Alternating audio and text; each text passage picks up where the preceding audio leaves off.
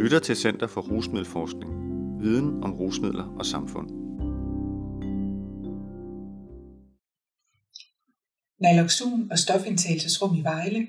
Forebyggelse af skader og dødsfald hos stofbrugere er på den lokale politiske dagsorden. Skrevet af sociologistuderende og praktikant Camilla Feltendal, sociolog og lektor Esben Håborg og antropolog og professor Vibeke Frank, alle fra Center for Rusmiddelforskning. Podcasten er indlæst af Vibeke Frank. Artiklen er bragt i Stofbladet nummer 42 i sommeren 2022. I Vejle Kommune har man valgt at indføre både stofindtagelsesrum og livreddende kurser blandt stofbrugere for at forebygge og reducere skader og dødsfald forårsaget af overdoser. Det har været en prioritet på den lokalpolitiske dagsorden at øge trygheden for byens stofbrugere samt borgere generelt. Narkotikapolitik eksisterer på et internationalt, nationalt og lokalt niveau. De fleste lande har underskrevet de internationale konventioner om narkotikakontrol, som sætter grænser for, hvad de enkelte lande kan gøre, selvom der er store fortolkningsmuligheder. Den nationale narkotikapolitik bestemmer lovgivningen og den overordnede politik, men det er på det lokale plan, at narkotikapolitikken føres ud i livet. Samtidig er det ofte også på det lokale plan, man først oplever narkotikarelaterede udfordringer, som borgere, fagpersoner, offentlige og private organisationer og andre aktører kræver løsninger på. Det kan være krav om forebyggelse eller behandling, ønsker om nye skadesreducerende indsatser for at forebygge overdosis, dødsfald og stofrelaterede skader, eller krav om at gøre noget ved et narkotikamiljø eller såkaldt stofscene i byen, som borgere finder generende. Lokalsamfundet stiller altså ofte høje krav til lokalpolitikerne om, at de kommer med konkrete løsninger på de problemer, som stofbrug kan være med til at skabe i lokalsamfundet, hvad enten det handler om problemer for stofbrugerne selv eller for det omgivende samfund. Nogle gange kan borgere, foreninger og organisationer også selv gå i gang med at finde løsninger, hvis de oplever, at myndighederne er træge og ikke gør noget ved de lokale problemer. Så hvis vi ønsker at forstå, hvordan narkotikapolitik ikke bare er på papiret, men også i praksis, er det vigtigt at undersøge, hvordan narkotikapolitik udvikles og gennemføres lokalt. Det gælder også den tilgang, der kaldes skadesreduktion, som handler om at forebygge og reducere skader og dødsfald blandt stofbrugere. Skadesreduktion er en del af den lokale narkotikapolitik. Den skadesreducerende tankegang blev indført i dansk narkotikapolitik allerede i 1980'erne, da det daværende Alkohol- og Narkotikaråd begyndte at tale om, at behandling af stofbrugere skulle have graduerede målsætninger og ikke kun have stoffrihed som mål. I stedet kunne behandlingen også indeholde indsatser, der reducerede stofbrugernes belastninger og øgede deres ressourcer, selvom de fortsatte med at bruge illegale stoffer. Det førte til udrulning af såkaldt substitutionsbehandling, behandling med blandt andet substitutionsmedicin kombineret med social hjælp, etablering af sprøjtebytteordninger, lavtærskel tilbud, f.eks. værsteder, og socialt og sundhedsmæssigt opsøgende arbejde blandt mennesker med et problematisk forbrug af illegale rusmidler. Selvom der er sket meget siden 1980'erne, findes der dog meget begrænset viden om, hvilke skadesreducerende indsatser der er til rådighed for stofbrugere uden for de større byer. Baseret på en fortløbende undersøgelse af lokal narkotikapolitik uden for Aarhus og København, præsenterer vi i denne artikel læserne for to konkrete eksempler på lokal skadesreduktionspolitik i Vejle Kommune, nemlig implementering af to nyere skadesreducerende tilbud, distribution af naloxon, som er en næsespray indeholdende modgift, en antidot, til brug ved overdoser, og etablering af et stofindtagelsesrum, ofte kaldet fikserum i folkemunde. I Vejle har man prioriteret en kommunal indsats for at nedbringe dødeligheden og skaderne for stofbrugere. Antallet af danskere, som dør af en overdosis med opioider, som f.eks. er stoffer som heroin, morfin, fentanyl med flere, er højt sammenlignet med andre europæiske lande. Tilbage i 2007 var Vejle Kommune en af de kommuner, der var hårdest ramt i Region Syddanmark. I perioden fra 2007 til 2014 blev antallet af overdosis dødsfald næsten fordoblet fra 7 i 2007 til 13 i 2014. I perioden 2007 til 2012 indtog Vejle Kommune en kedelig 10. plads blandt landets kommuner med 3,8 overdosis dødsfald per 10.000 indbyggere. På den baggrund besluttede kommunen i 2015 at gøre en indsats for at nedbringe dødelighed og skader blandt stofbrugere. Man formulerede et livskvalitetsfremmende innovationsmål for stofbrugere, at de får et længere og bedre liv. Da man var bekendt med evidensen for, at undervisning i brugen af modgiften naloxon kan forebygge dødsfald på grund af overdosis med opioider, valgte man i første omgang at realisere innovationsmålet gennem et naloxon-projekt i kommunalt regi. Behandlingen, som foregår ved udøvelse af førstehjælp samt pust i næsen med en næsespray indeholdende naloxon, må kun foretages af personer, som har modtaget kursus i anvendelsen af både lægemidlet og førstehjælpen. Da overdosis ofte sker i private hjem og på offentlige steder, hvor der ikke er en læge til stede, er det afgørende, at lægepersoner kan træde til og hjælpe. Således er det essentielt at uddanne så mange som muligt, både fagpersoner, stofbrugere, selv samt andre relevante i naloxonbehandlingen. Da et flertal af politikere i byrådet i slutningen af 2015 blev enige om at etablere et sundheds- og stofindtagelsesrum, blev det anskuet som en naturlig forlængelse af det overordnede innovationsmål om at forbedre livskvaliteten for stofbrugere, som Naloxon-projektet også var en del af. Naloxonkurserne bringes ud til alle i lokalsamfundet, som er interesserede. Vejle Kommune har således i samarbejde med forebyggelsesprojektet Antidot Danmark og Red Liv-indsatsen, som oprindeligt blev iværksat af Sundhedsministeriet, siden 2015 uddannet mellem 400 og 450 stofbrugere, pårørende og medarbejdere, som arbejder med stofbrugere i at bruge naloxon mod overdoser, og med stor succes. For de kommunale medarbejdere, som afholder kurserne, har det at gøre kurserne tilgængelige for alle borgere, der er interesserede, været afgørende. Det betyder, at de får uden at tilbyde kurser for stofbrugere indskrevet i substitutionsbehandling på Rusmiddelcentret, også afholder kurser på byens væresteder, i varmestuen, for de forretningsdrivende og i storcentret, men også for borgere, der bruger byens parker, hvor stofbrugere opholder sig, som den kommunale medarbejder siger. Det er klart, at man også skal ud i lokalområder. Det er rigtig godt, hvis du går tur med din hund, der hvor stofbrugere også færdes, og at du så kan give det her naloxon. Derfor har vi for eksempel også holdt undervisning i en park, hvor folk har kunnet komme forbi og deltage.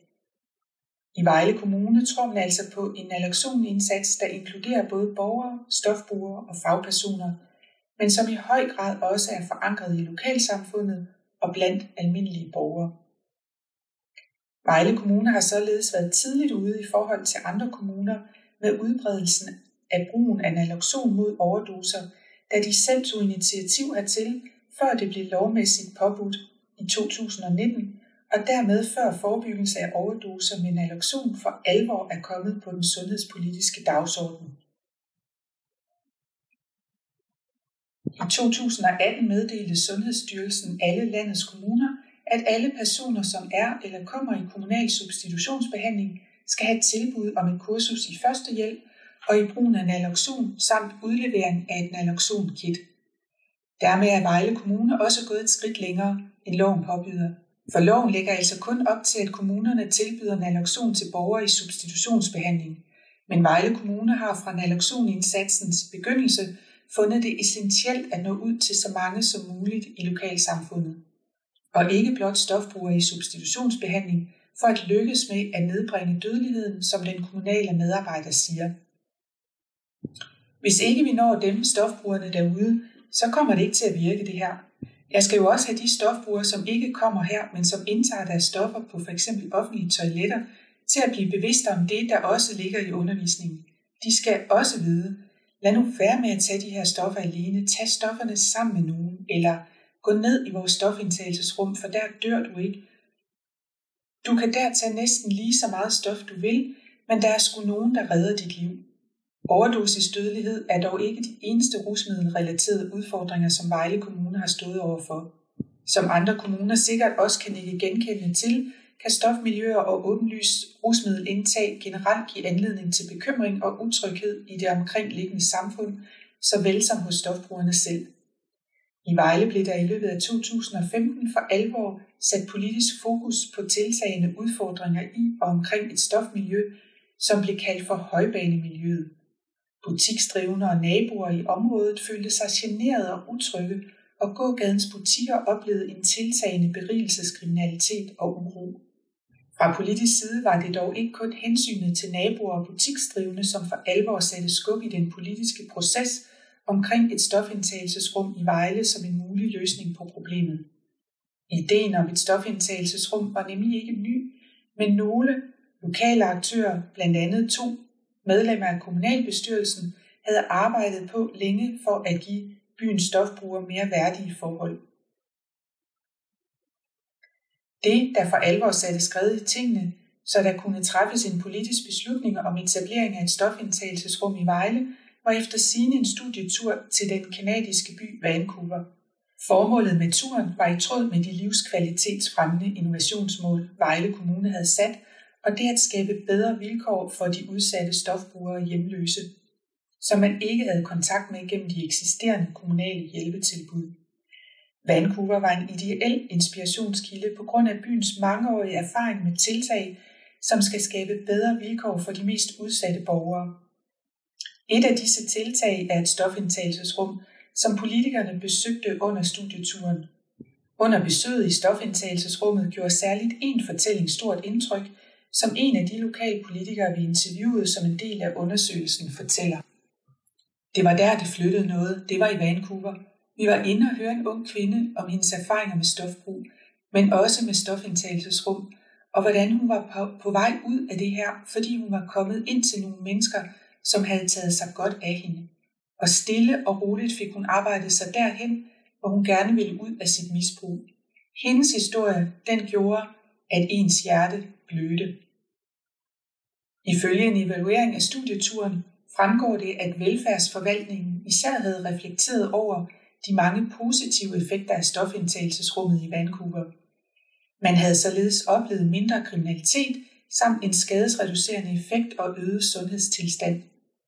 Ydermere havde brugerne af stofindtagelsesrummet fået en god tilknytning til stedet, så medarbejderne kunne lykkes med at bygge bro mellem brugerne af rummet og andre social- og sundhedstilbud. Disse erfaringer faldt i god tråd med de udfordringer, man oplevede i Vejle, samt de overordnede politiske ambitioner på udsatte området i kommunen. Fra man tog den politiske beslutning, gik processen hurtigt.